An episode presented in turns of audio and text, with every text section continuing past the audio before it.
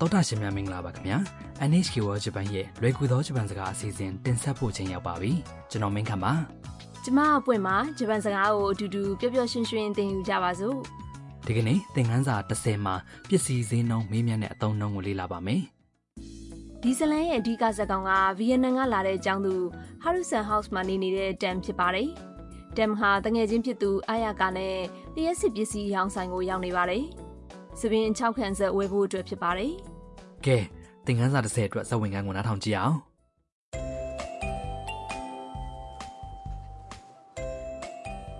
たくさんありますねすごいでしょこれはサラサラヘアこれはツヤが出るタイプへえいくらですかセールって書いてある聞いてみようすみませんこのドライヤーはいくらですか9900円です高すぎます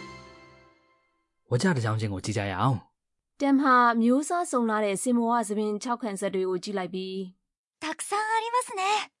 အများကြီးရှိတယ်နော် အာယာကာကပြောပါတယ် すごいでしょ အံ့ဩစရာကောင်းတယ်မဟုတ်လား ပြီးတော့တမ်ကိုစပင်း6ခန်းဆက်မျိုးမျိုးကိုရှင်းပြပေးပါတယ် これはサラサラヘア ဒါကသပင်တွေကိုနူးညံ့ချုံးမွေစေတယ် これはツヤが出るタイプ ဒါကသပင်တွေကိုတောက်ပြောင်စေတဲ့အမျိုးအစား တမ်ကမေးလိုက်ပါတယ် へえいくらですか အော်ဘယ်လောက်လဲရင် အာယာကာကဈေးနှုန်းရေးထားတဲ့စာရွက်ကိုကြည့်လိုက်ပါတယ် セールって書いてある ရှော့ဈေးလို့ရေးထားတယ် 聞いてみよう မေးကြည့်အောင် ။တမ်ကအယောင်းဝန်ထမ်းကိုခေါ်လိုက်ပါတယ် すみません တစ်စိမ့်လောက် このドライヤーはいくらですか ဒီသပင်အချောက်ခံဇက်ကဘယ်လောက်လဲ ။အယောင်းဝန်ထမ်းကဖြေပါတယ် 9900円です ရန်9900ပါ ။တမ်ကအံ့ဩသွားပြီး 高す ဟေး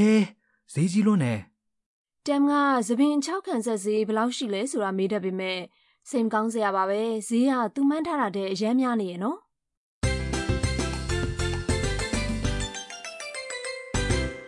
ဒီကနေ့အတွက်အဓိကအသုံးတော့က ぎますこのドライヤーはいくらですか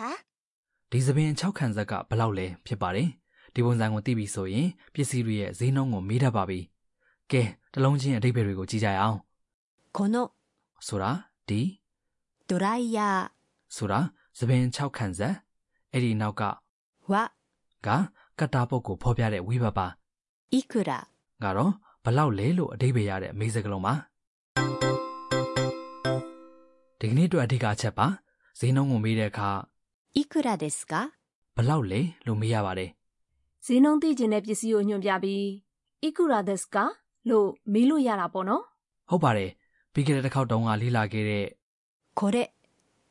それあれ ဒီဟာအဲ့ဒီဟာဟိုဟာဆိုတဲ့အညွှန်းစကားလုံးတွေကိုသုံးပြီးတော့လေ これはいくらですか ဒီဟာကဘလောက်လဲဆိုတာမျိုးလဲမေးလို့ရပါတယ်။ကိုမေးချင်တဲ့ပစ္စည်းရဲ့နာမည်ကိုသိတယ်ဆိုရင်တော့ これそれあれ အစား このそのあの နဲ့အဲ့ဒီပစ္စည်းနာမည်ကိုတွဲပြီးမေးရပါတယ်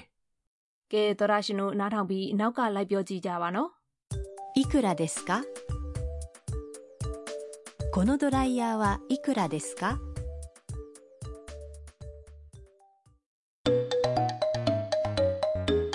။ဝယ်သူကပစ္စည်းတစ်ခုရဲ့ဈေးနှုန်းကိုမေးနေတဲ့ဥပမာစကားပြောကိုလည်းနားထောင်ကြည့်ပါအောင်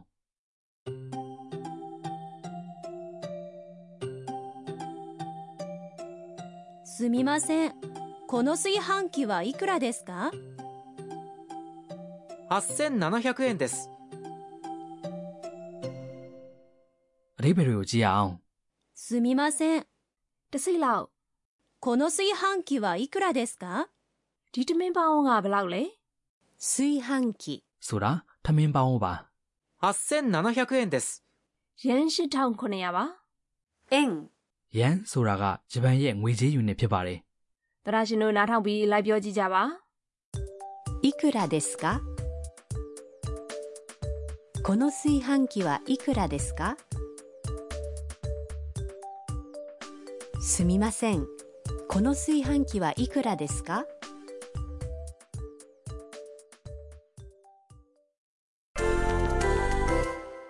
အခုအယောင်းဆိုင်ရဲ့ဆင်မြင့်ပေါ်မှာရှိနေတဲ့နှချက်ရဲ့ဈေးနှုန်းကိုမေးကြည့်ရအောင်ကိုနဲ့ရောအယောင်းဝန်ထမ်းနဲ့ပါဝေးတဲ့နေရာကပစ္စည်းကိုညွှန်ပြတဲ့အခါ あのあの လို့တောင်းရပါမယ်နှချက်ကိုတော့ イヤホンイヤホン လို့တောင်းပါတယ်ကဲပြောကြည့်ပါအောင်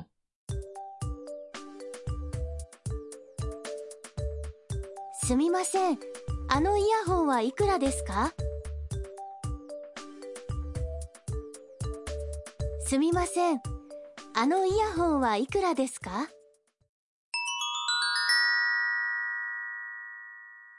အခုဆက်ပြီးဆက်ဆက်တိုးပွားစကားလုံးများကဏ္ဍပါဒီကနေ့ဇက်လန်မှာဈေးနှုန်းတွေပါပါတယ်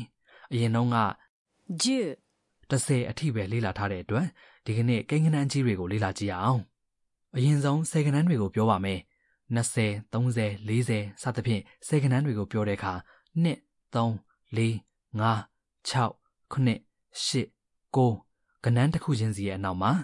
10 10 10ဆိုတာထည့်လိုက်ရင်ပြောလို့ရပါတယ် ဒါဆို20ဆိုရင်2ကနီး10ကဂျူးဆိုတော့နီးဂျူးလို့ဖြစ်သွားမှာပေါ့နော် ဟုတ်ပါတယ်30ကနေ90အထိ10ပြည့်ကိန်းတွေကိုဂျပန်လိုပြောတဲ့အခါ 10 20 30 40 50 60 70 80 90 ဖြစ်ပါတယ်နောက်ပြီးတော့ယာကနန်းပါ100ကို 100 လို့ခေါ်ပါတယ်10ကနန်းမှာတော့ကလိုပဲ2 3 4 5 6 9 8 9တခုချင်းစီရဲ့အနောက်မှာ 100 100ရာကိုပေါင်းလိုက်ရင်ပြောလို့ရပါတယ် အဲ့လိုဆိုတော့200ကိုဂျပန်လိုပြောရင်နီးရဲ့အနောက်မှာဟီယာကုကိုထက်နီးဟီယာကုလို့ပြောရမှာပေါ့နော်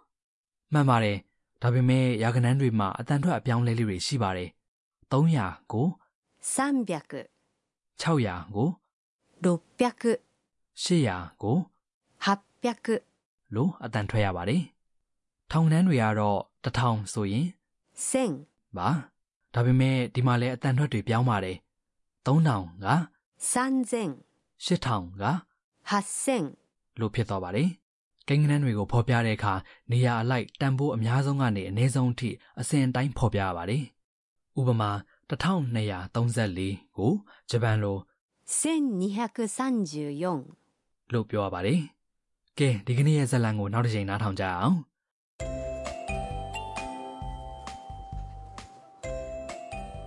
たくさんありますねすごいでしょこれはサラサラヘアこれはツヤが出るタイプへえいくらですかセールって書いてある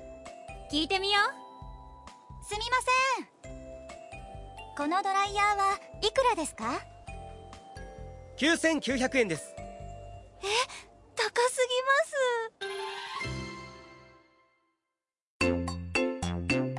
すはるさんの知恵袋 အခုတခါဟာရုဆန်ရဲ့ဘူးတုတဟင်းလေးကိုကဏ္ဍပါ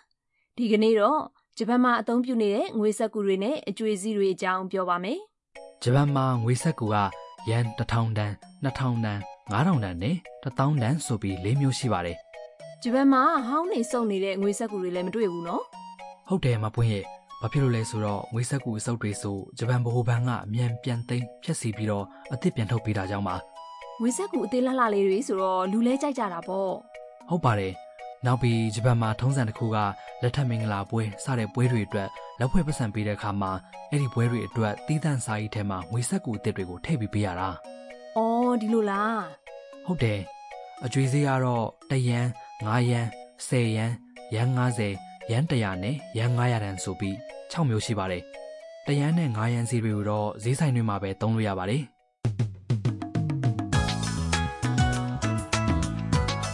သောတာရှင်တို့ဒီကနေ့ရဲ့လွယ်ကူသောဂျပန်စကားအစီအစဉ်ကိုနှစ်သက်ကြမယ်ထင်ပါတယ်